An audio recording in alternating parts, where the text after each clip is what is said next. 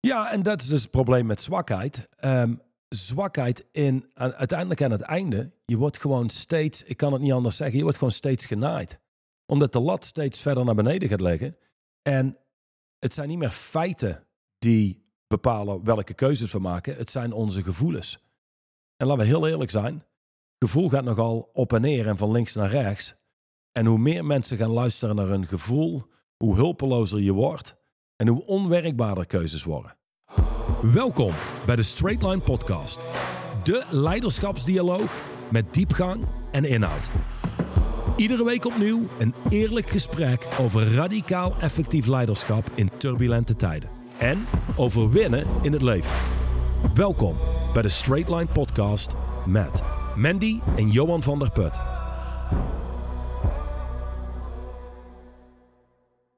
Ja, wat is het een goede week, hè? Dat, dat eh, de gekte rondom Matthijs van Nieuwkerk... eh, Is er een gekte? eh, ja, ik, ik weet niet of dat er echt bij hem een gekte is. maar in ieder geval, in, in het mediacircus is een gekte. Ik vond het wel boeiend, want zoals jij gisteravond zag, dacht ik... Ik ga het toch eens opzoeken. En toen kwam ik op een, een video op... ik denk de website van de Telegraaf is misschien ook niet alles slimste om te doen. Maar anyway, kwam daar op een video... En daar stond duidelijk het fragment, zeg maar. Bij, de titel stond fragment Matthijs die uit, uit zijn slop schiet. Of weet ik veel, iets in die richting. Matthijs die losgaat. En vervolgens heb ik die aangeklikt. En hoe lang was het? Ik denk 14 minuten lang heb ik naar een video zitten kijken. Ik wilde gewoon per se weten of dat fragment nou wel of niet kwam. 14 minuten lang naar een video zitten kijken waarbij het fragment uiteindelijk niet kwam. Maar ik wel twee dames met elkaar heb horen spreken over ja, een, een, Er kwam een, toch één fragment een voorbij? framing rondom Matthijs. Welk fragment kwam er voorbij? Nou ja, tijdens een opname waarin er iets misging Ja, met het geluid. Ja, precies. Waar Maar hij op reageerde. Ja, maar dat was in de opname en daar reageerde hij heel relaxed op. Als in hij ging daar gewoon prima Vond mee jij? om. Ja, jij vond dat relaxed. Nee, maar blijkbaar na dat moment is hij dus helemaal losgegaan richting een of andere geluidsman of zo. Wat ook grappig was, want in, in dat gesprek hoorde ik dat die geluidsman zich eigenlijk dat moment niet meer heel erg bewust kon herinneren. Maar allerlei, eh, hoe noem je het tegenwoordig, snowflakes of whatever, mensen die daar omheen stonden, die zo onder de indruk waren dat. Anyway, ehm, wat natuurlijk super interessant is, vind ik, is daar is dan zo gezegd een angstcultuur. En eh, Matthijs van Nieuwkerk is een dictator. En mensen zijn daar eh, kapot gegaan en burn-outs en depressies gekregen en noem maar op. Want ze wilden zo graag in een andere cultuur werken. Ze wilden zo graag... Dat is eigenlijk wel grappig, hè? Want dat slaat natuurlijk volledig op het hoofdstuk nummer 10 van Straight Leadership. Willen versus creëren. Of willen versus kiezen, sorry. Als jij ergens werkt en je zou willen dat dingen anders waren, dan kun je twee dingen doen. Of ervoor kiezen om zaken te veranderen, of ervoor kiezen om ergens anders te gaan werken, waar dingen anders zijn dan je huidige werkomgeving. Ja. En tegenwoordig kiezen mensen ervoor om rechtszaken aan te spannen en de media op te zoeken in plaats van, eh, in plaats van gewoon daar intern iets te veroorzaken. Ja. Zit hij ook in een rechtszaak, onze Matthijs? Ik weet het eigenlijk niet. Geen Dat- idee. nee, Ja, ik, ik volg het niet. Maar ik heb wel meegekregen over de angstcultuur. En ehm, in het vervolg daarop is, ik volg weinig van voetbal. Maar ik, ehm, ik heb een stukje gezien van een interview wat Cristiano Ronaldo gedaan heeft. Op dit moment volgens mij een van, ik, voor iemand die weinig weet van voetbal, de twee beste spelers ter wereld, Messi, Messi, en Ronaldo. en Ronaldo. Dat weet ik zelfs. Ja, ehm, die heeft een interview gedaan en die heeft een aantal zaken gedeeld over wat er ehm, gaande is in de club. En een van de dingen die ik gehoord heb is dat hij deelde over de matige vooruitgang. Hij zit bij een team, Manchester United. Daar zat hij ook toen hij 17 was, geloof ik. En in die tussentijd is er niet heel veel veranderd. Hij zit daar nu bij een team en hij bekritiseert toch voor een heel deel het, het level van commitment van zijn teamgenoten. Oké. En, maar ook het level van commitment van de staf, de betrokkenheid van de directeuren, eigenaren. Het zal een hele organisatie zijn. Ja, ehm, en hij is iemand, net als Michael Jordan, als het gaat over, wat no- noemen ze, het, toxisch leiderschap?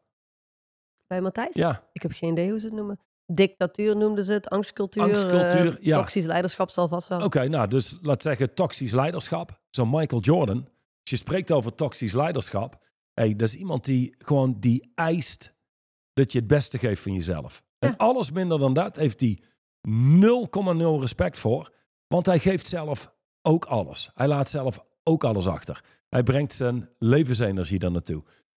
Dat is wat echte killers gewoon de absolute top. Dat is hoe je aan de top komt en aan de top blijft. En tot mijn verbazing zag ik later een interview van drie oud topspelers.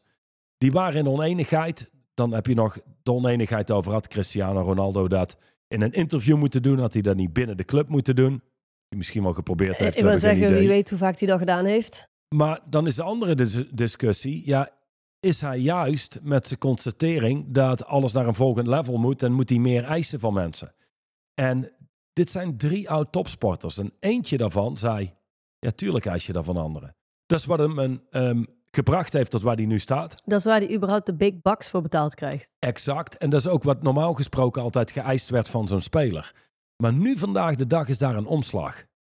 En de omslag is, je kunt niet zoveel druk uitoefenen op mensen. Je kunt ze niet vergelijken met jezelf. Maar dan spreek je dus over de hoogste vorm van sport op aarde, topsport. En daar ligt nu die, eigenlijk die cultuur enigszins ter discussie. Althans, in de media. Ja, ja, ik denk niet binnen de meeste teams hoor, want daar moet gewoon gepresteerd worden. Maar vergelijk dat met Matthijs van Nieuwkerk. Als ik een, ehm, een Hey, hij is ook de was- absolute top, hè? Ja, Hij is in Nederland de absolute top. ja, dus dan zit je daar in zo'n studio. En als je dan iemand hebt die het loopt te verkloten. Tuurlijk geef je daar een opmerking over. Je wil gepast zijn in hoe je iemand toespreekt. En dan zit er verschil tussen een topsporter met een heel ander level van commitment dan een geluidsman op een set waarschijnlijk. Mhm.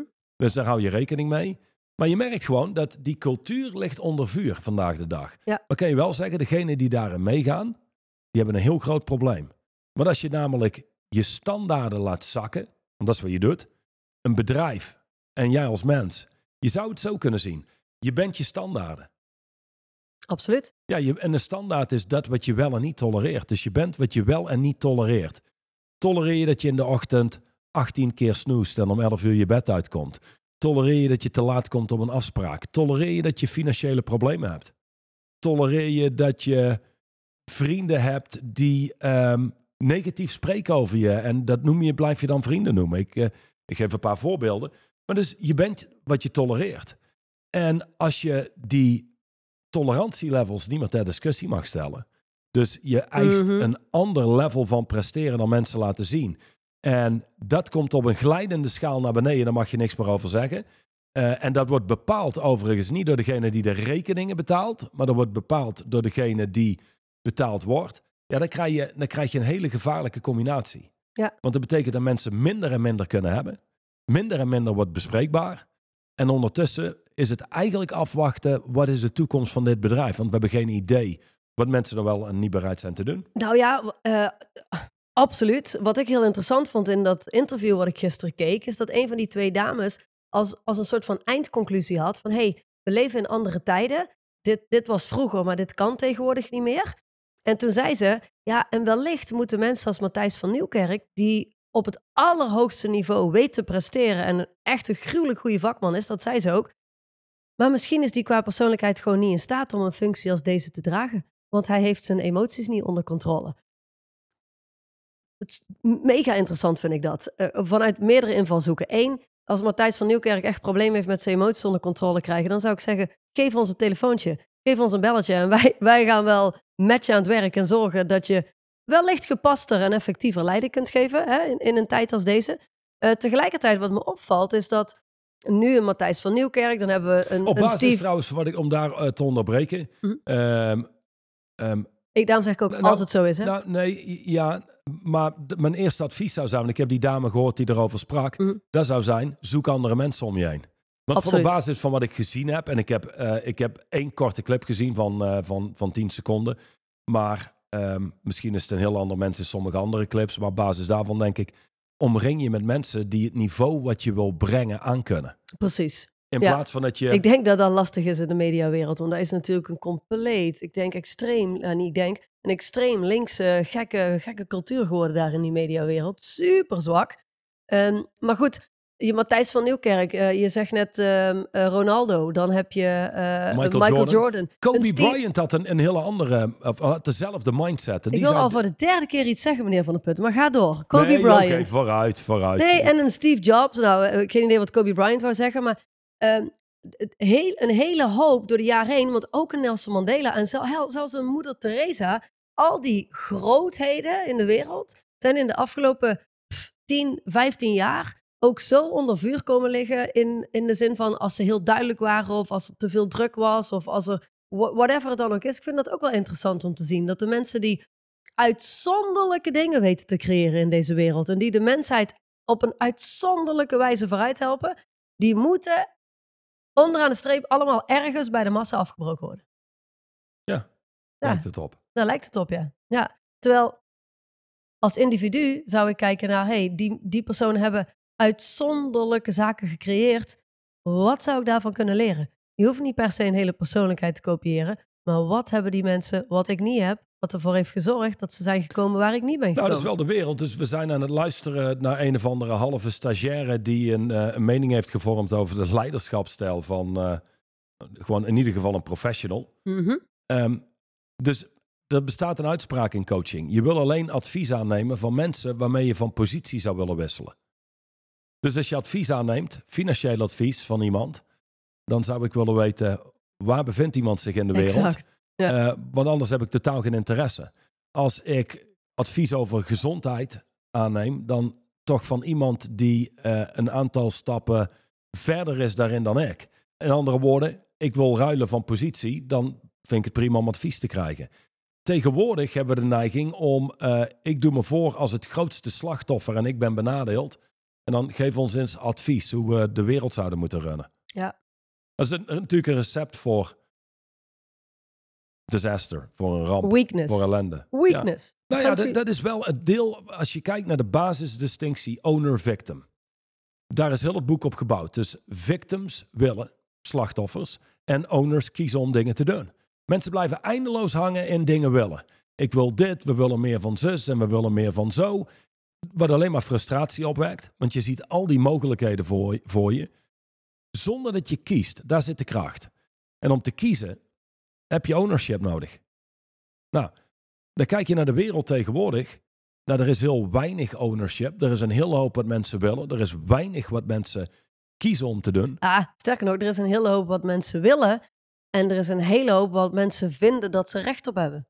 Het is eigenlijk nog alleen Ja. maar erger geworden, zeg maar. Het is niet alleen, oeh, willen, maar eigenlijk ben ik te lui om het werk te doen. Nee, het is tegenwoordig, ik wil dat en ik vind dat ik entitled ben om dat, om dat te krijgen.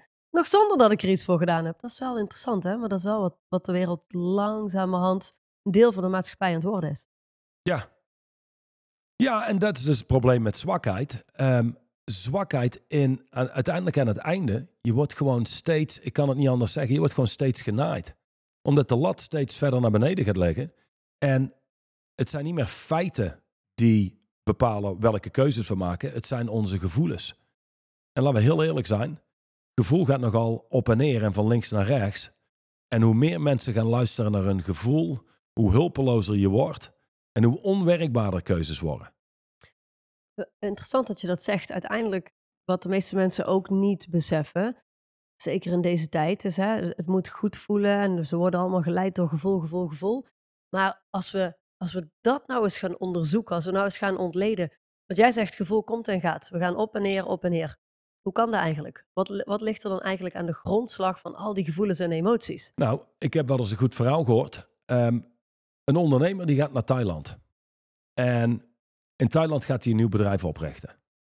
Vervolgens zegt degene die hem daar ehm, wat op weg gaat helpen, een soort gids daar.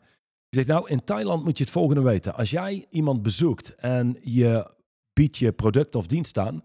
en die heeft veel interesse, dan zal hij je netjes bedanken. En dan antwoordt hij nee. En dan kom je twee weken later terug en dan zul je merken dat je een deal kunt sluiten. Dat is namelijk een teken van respect. Dus die man zo, wacht even. Nee betekent eigenlijk ja. Nee betekent ja, strakjes wel. Ja, exact. Dus die man gaat erop uit en ehm, doet allerlei voorstellen en krijgt allerlei nee's. Waar je normaal te neergeslagen zou zijn. Althans, veel mensen toch, weet Mhm. je. En eh, een negatieve conversatie hebt. In één keer is iemand blij over de top. Want dat betekent dat we over twee weken terug kunnen komen. Dus als je dat hele concept ja en nee omgooit. eh, die gids doet dat in dit geval. Nee is een goed iets. Een week later, die gids spreekt die man weer en eh, hij zei, hoe gaat het? En die man, ja, briljant. Dus dit, dat we hier niet eerder naartoe zijn gegaan. Letterlijk, Iedereen koopt. iedereen heeft interesse. Iedereen wil het gaan doen. En vervolgens biegt hij op wat hij heeft gedaan. En in één keer gaat die man van extreem blij. Dus eh, hij biegt op, ik heb een grapje met je uitgehaald. Nee is gewoon nee, ook hier in Thailand. Exact. Mhm. Ja, de goede verduidelijking. En, maar vervolgens slaat ze humeur om. Nou ja, da- dat is gewoon wat het is. Dus je hebt een mind. Mensen hebben interpretaties. Mensen hebben verhalen intern. Je ziet iets. Het universum om je heen, dat waar je, daar waar je naar kijkt, is altijd neutraal. Ja. En wat mensen doen, is die maken daar iets van. Die geven het En betekenis. die geven het, zoals je, zoals je het woord nee net een nieuwe betekenis hebt gegeven, namelijk ja. En dat creëert bepaalde gevoelens en bepaalde emoties. ja, Is alles in het universum is betekenisloos en jij als mens geeft het betekenis. zeker. Dus als, als korte zijnoot, dat hele positief denken, waarom dat zo heel slecht werkt, is positief denken is altijd gebouwd op negatief denken. Ja. Dus je hebt een feit wat gaande is in de wereld. Mijn- Mijn vrouw heeft me verlaten. Of mijn bedrijf is failliet. Whatever dat het is. Het kan iets groots, iets kleins zijn. Dat geeft een betekenis. Laten we het zo zeggen. Een negatieve betekenis. Ja, dan moeten we positief gaan denken. Maar als dat waar je naar kijkt gewoon neutraal verschijnt, dan hoef je helemaal niet positief te denken. Dan heb je gewoon te dealen met situaties en that's it. Positief denken is overbodig. Zoiets als eh, een slang pootjes geven. Dat kan. Het zal er ongetwijfeld grappig uitzien, maar het is niet nodig. Het zouden wel heel veel pootjes worden. Oké, nee, en als jij dan zegt ehm, eh, het, het, het neutraal benaderen, het neutraal bekijken, dan, dan hoor ik aan de andere kant van de lijn mensen denken, ja, maar ja, hoe doe je dat dan? Hoe doe je dat dan? Want ik heb nou eenmaal al die negatieve gedachten. Dat is, dat is natuurlijk wat je dan krijgt. Mensen hebben het idee dat ze positief moeten denken. En er is zelfs een bedrijf dat heet Omdenken. Fantastische kerel overigens, eh, onze vriend Ja, Bertolt. ja, ja, Ehm, maar in de basis, de, wat je zegt, hè, de enige reden waarom dat je positief moet denken, is omdat er negatieve gedachten onder liggen. Ehm, en in de basis betekent het dus dat je heel serieus neemt wat het brein je vertelt. Dat je de stem in je hoofd heel serieus neemt. ja, je gelooft je gedachten en Ja. je gelooft je eigen gecreëerde verhalen. En dan daarbovenop gaan mensen positief denken. Alhoewel, volgens mij is omdenken, je brengt iets terug naar feiten. Oh, oké. is En, en wat kunnen we daarmee? Ja. Wat een veel werkbaardere benadering is dan naar iets kijken, onder de indruk zijn, het een betekenis geven en dan positief gaan denken. Met alle respect, maar er is een hele hoop ehm, gewoon voldoen van energie, een hele hoop mentale oefening van niks. Ja, omdat je, omdat je bezig bent met dingen die niet eens waarheid zijn. Mhm. Dat is natuurlijk in de kern wat het is. Mensen nemen hun, hun gedachtes en hun gevoelens en hun emoties en hun meningen allemaal aan voor waarheid. En omdat ze het zo serieus nemen, omdat ze er zo mee identificeerd zijn, proberen ze die dingen te fixen. Wat zeggen wij bij Straight Line Leadership? Hey, je, je, kunt daar ook, je kunt het ook gewoon zien voor wat het is. Een gedachte. En that's it. Ja, de- zo en ook, die gedachte hoef je je leven ehm, niet te runnen. Tegenwoordig vind je zoveel theewaterfilosofie over heel internet. V- Weet je, verander je gedachten en je, en je verandert je wereld. Dan ga je er echt vanuit dat, dat, dat je gedachten de hele show runnen. Exact. Ze hebben in Amerika overigens daarop op voortbedurend een, een ehm, geen onderzoek, maar een soort training gedaan met, met gevangenen. En in de kern gaat het over het volgende. Schrijf op wat de gedachten zijn die je gedurende een dag hebt. Eh, zie het als de positieve gedachten, de negatieve gedachten. Maar in de kern zijn het gewoon gedachten. Gedachten. Ja. Vervolgens kun je ze bestempelen labelen. als positief Ja, of negatief. absoluut. Ja, dan geef je, Eh, geef je zelfs gedachten je, je hebt gedachten die je misschien graag hebt of Werkbaar, hebt. niet werkbaar. Ja, en gedachten die je liever niet hebt. Nou, het grote verschil waar ze achter komen in die training is... Het is niet zozeer dat die gevangenen andere gedachten hebben dan andere mensen.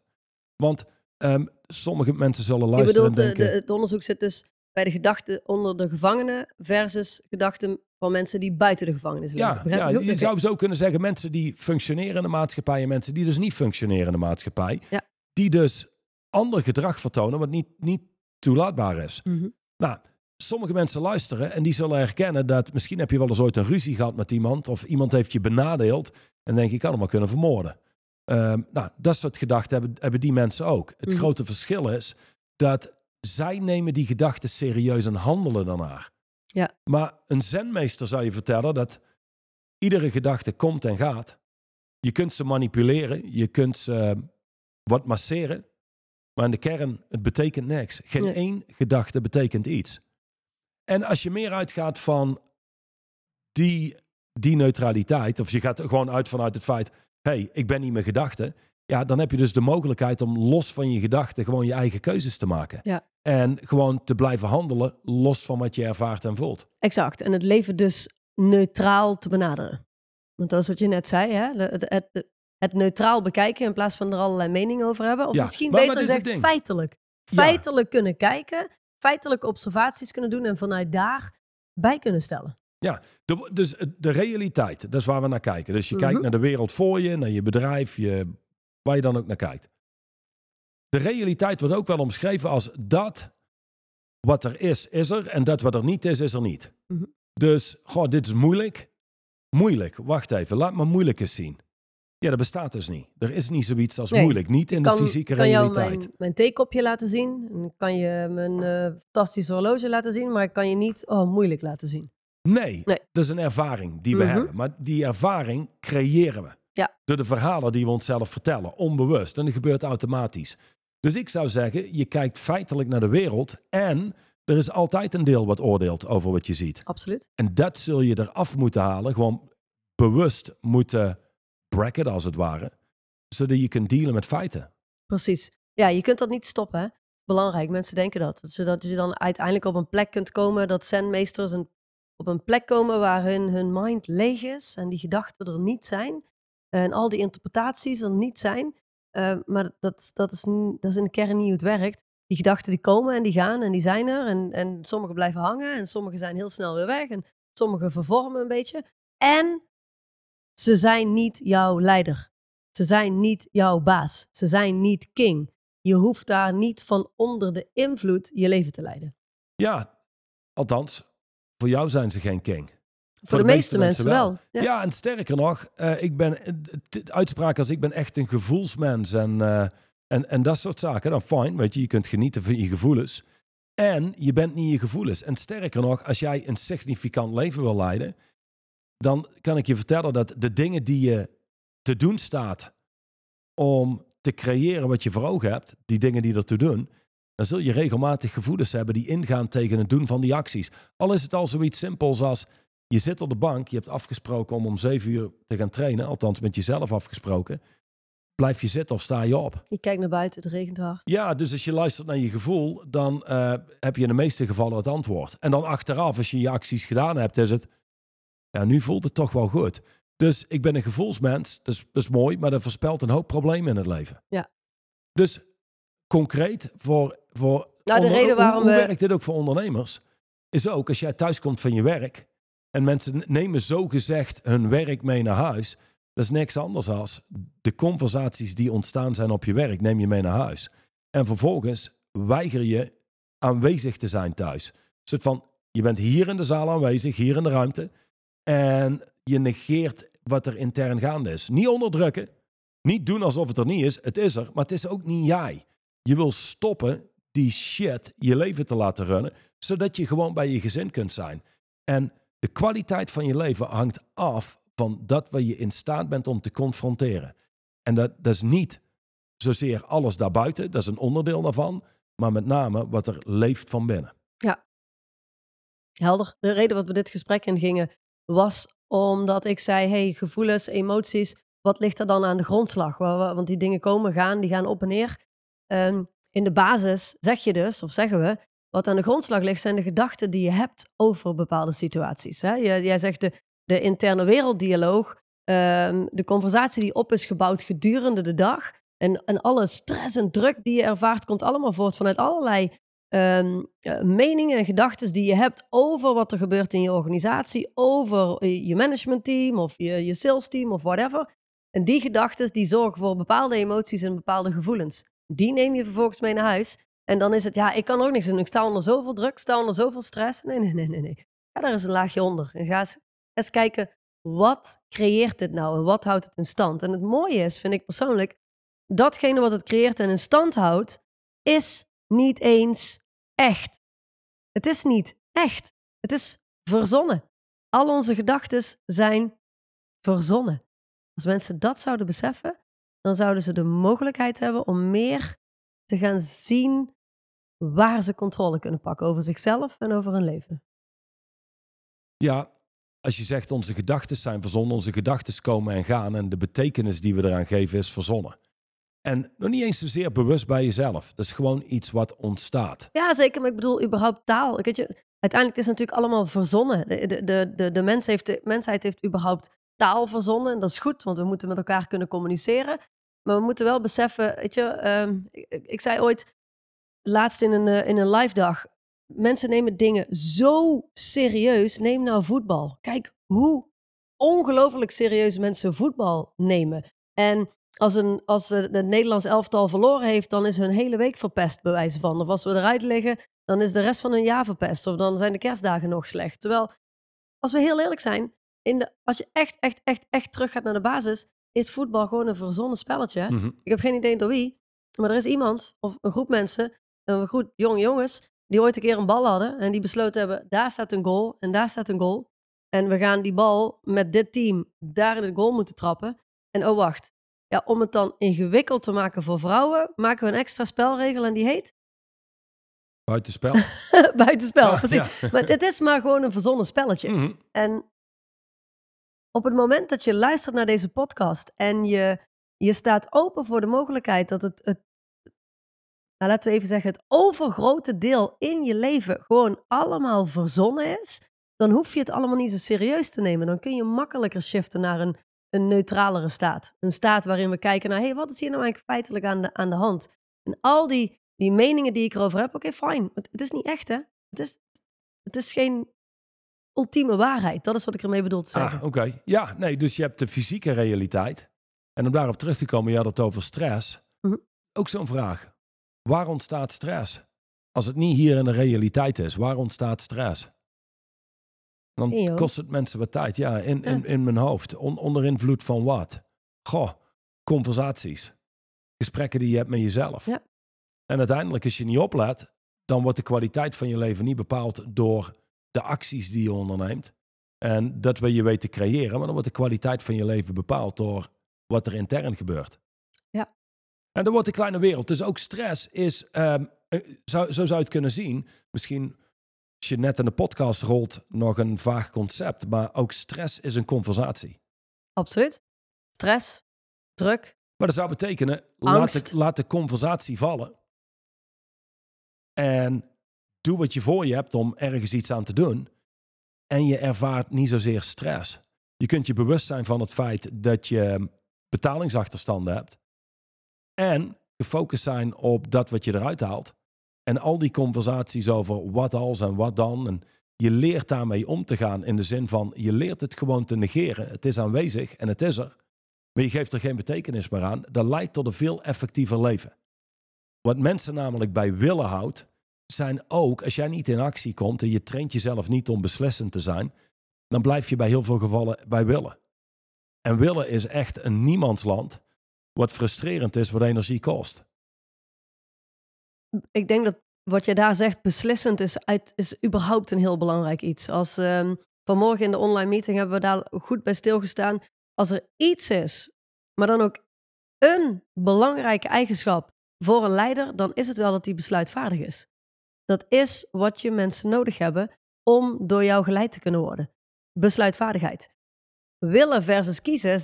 Weet je, heel veel leiders willen van alles. Ik sprak eh, vorige week een man die letterlijk tot een aantal keer toe in het gesprek zei: Ja, maar ik wil heel graag minder in mijn organisatie werken. Ik wil dat wel heel graag. Ik wil minder zelf bezig zijn met al die uitvoerende taken. Ik wil dat. Maar ja, mijn team is daar niet klaar voor. En zolang mijn team er niet klaar voor is, zal ik zelf bij moeten springen. En het mooie is, als je dan vervolgens gaat, gaat doorvragen en kijkt: Oké, maar wat, wat ben je dan werkelijk aan het doen waardoor je team er dadelijk wel klaar voor is?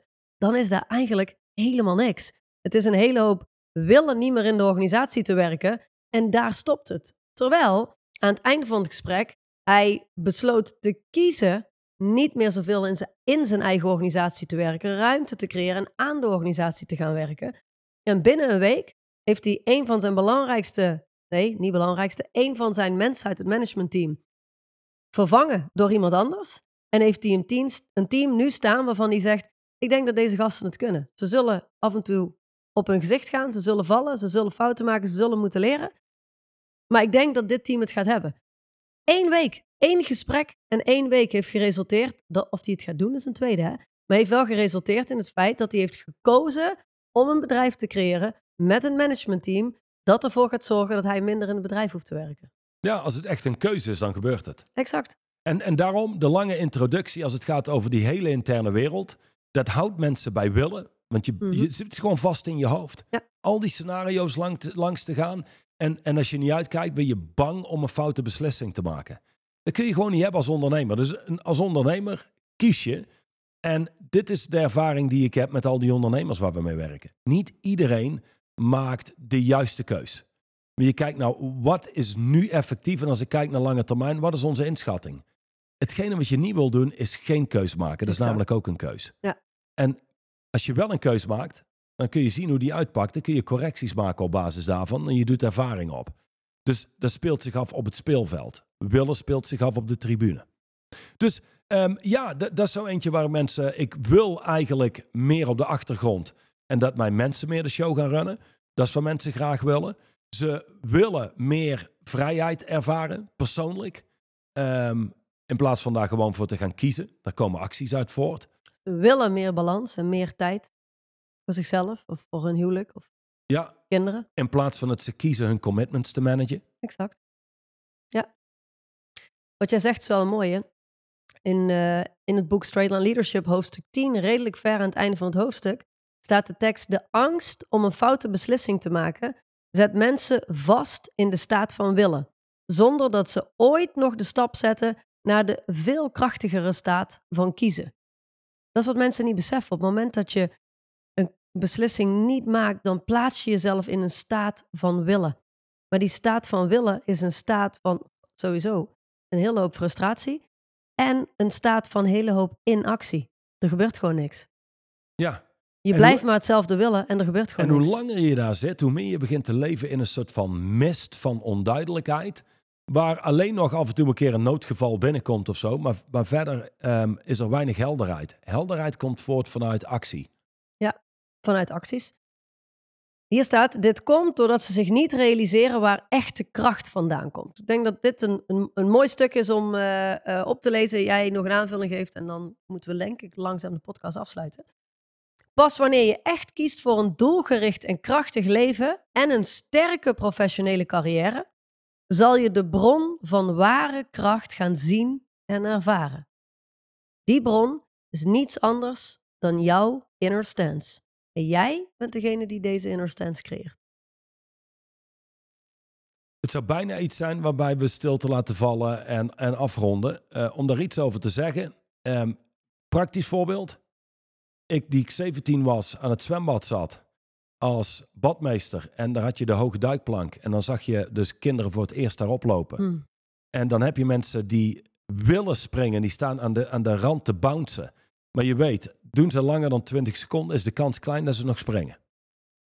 Dan degene die daar naartoe lopen, die springen, doen dat allemaal met een bepaalde angst. Maar die kiezen om te springen. Ja. Maar je ziet het in hun ogen, als ze kiezen om te springen, is er ergens een beetje angst, maar ook een hoop aliveness.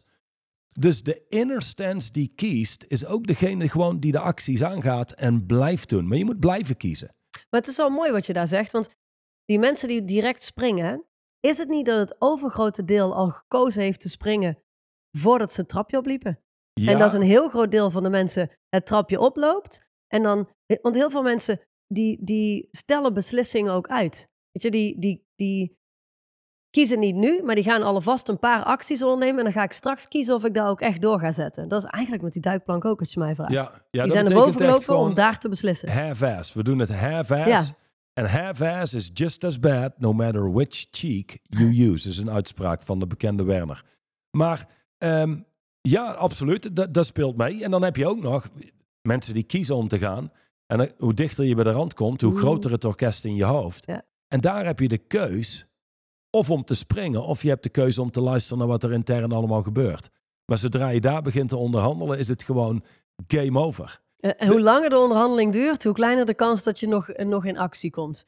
Eh, Hier staat, eh, jij bent degene die deze inner stance creëert. eh, daar sloot ik net mee af. Dit staat helemaal los van zaken buiten jezelf. Staat los van het lot of de juiste omstandigheden. Het zit in jezelf. Het maakt daarom ook niet uit waar je voor kiest, zolang je maar een beslissing maakt. Volgens mij heb ik onlangs geleerd, is het officieel een beslissing nemen en een keuze maken. Anyway, eh, waar je voor kiest, zolang je maar een beslissing maakt en in actie komt. Blijf keuzes maken. Stop met je zorgen te maken. Want wie bepaalt uiteindelijk of iets een goede keuze was? Dat ben jij. Wat je doet nadat je een beslissing gemaakt hebt, kan ervoor zorgen dat zo goed als iedere keuze de juiste was. Be- behoorlijk briljant. Ik wou zeggen, daar moet je het mee doen. Als je, als je hier niet mee kunt creëren, dan vergeet het. Dan heeft volgende week luisteren ook geen zin meer. Terugluisteren heeft ook geen zin meer. Dan is het gewoon klaar. Dus het beste om te doen is, ik heb geen idee wat je te doen staat, maar dit is het teken. Kies. Ja, we hebben geen idee wat het is dat je wil, maar dit is het teken. Kies en onderneem actie of stop het te willen. En ja, en krachtige mensen wachten nooit op een teken. Die zijn gewoon, en nog, dit is dit, wel met dit de afsluiter. Mensen die een hoop middelmatigheid tolereren in hun leven, die wachten altijd op het juiste moment. Die willen een hoop en die wachten op het juiste moment. Waar mensen met kracht beslissend zijn in het moment. Die creëren het juiste moment. En dat is nu. Tot volgende week. Tot volgende week.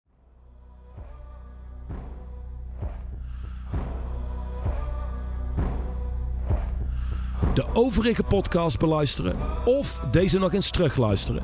Ga naar het YouTube of Spotify account van Straight Line Leadership.